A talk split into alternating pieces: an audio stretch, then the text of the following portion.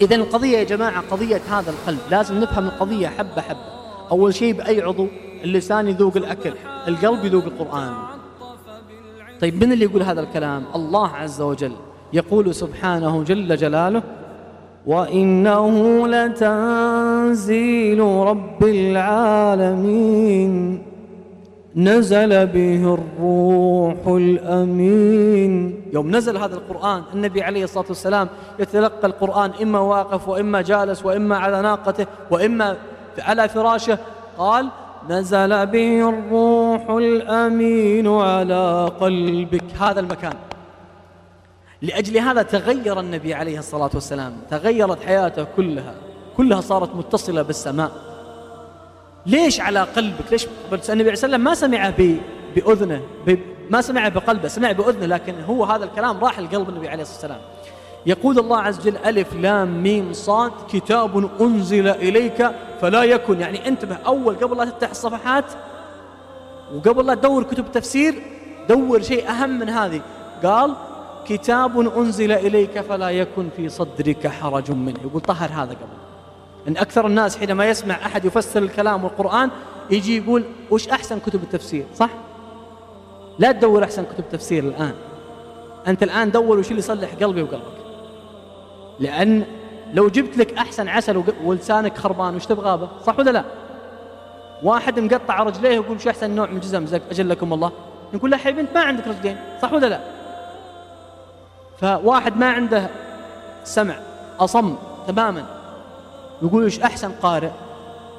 يقول له أنت أول شيء صلح المكان. قبل لا تصلح اللي بتذوق تبغى تذوقه فيه. فقال الله عز وجل أفلا يتدبرون القرآن؟ أم؟ يقول شوف أما أنك تحس بطعم القرآن وتحس أنك تتأثر بآياته ولا فيه أمر؟ وش الأمر هذا اللي ممكن حاصل يعني خيارين. أفلا يتدبرون القرآن؟ أم على قلوب أقفالها؟ يقول قل إذا ما تحس بشيء ترى هذا مقفل. أسأل الله أن يفتحها. ما يفتحها إلا هو سبحانه. أسأل الله أن يفتح على أغلاف قلوبنا حتى نتدبر هذا الكلام. كتاب أنزلناه إليك مبارك. لما؟ ليدبروا. ما قال صوره ولا أجزاءه ولا صفحاته ليدبروا آياتي. يقول أقسم بالله لو كان لو كان اللسان ده صافي أقسم بالله أن تذوق طعم. ولو كان هذا القلب صافي أقسم بالله ما تعدي آية. والله إني أعرف رجل في المعتكف معنا في رمضان هذا قعد ثلاث أيام في نص صفحة. عجز عجز يعديها ثلاث أيام. سبحان الله. الحمد لله. لا إله إلا الله. الله أكبر. لا حول ولا قوة إلا بالله. وفي الختام نرجو من الله أن ينال العمل على إعجابكم. تمت الهندسة الصوتية والإخراج باستديو فريق جوال الخير. والسلام عليكم ورحمة الله وبركاته.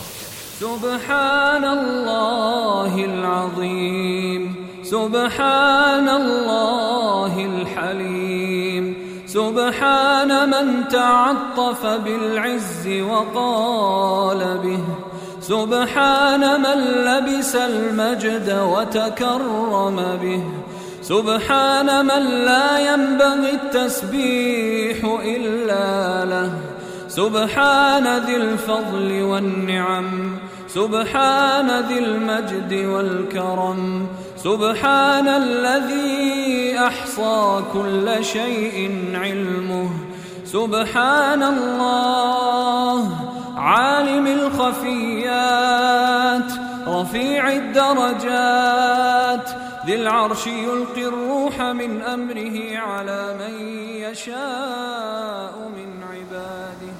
غافر الذنب وقابل التوب شديد.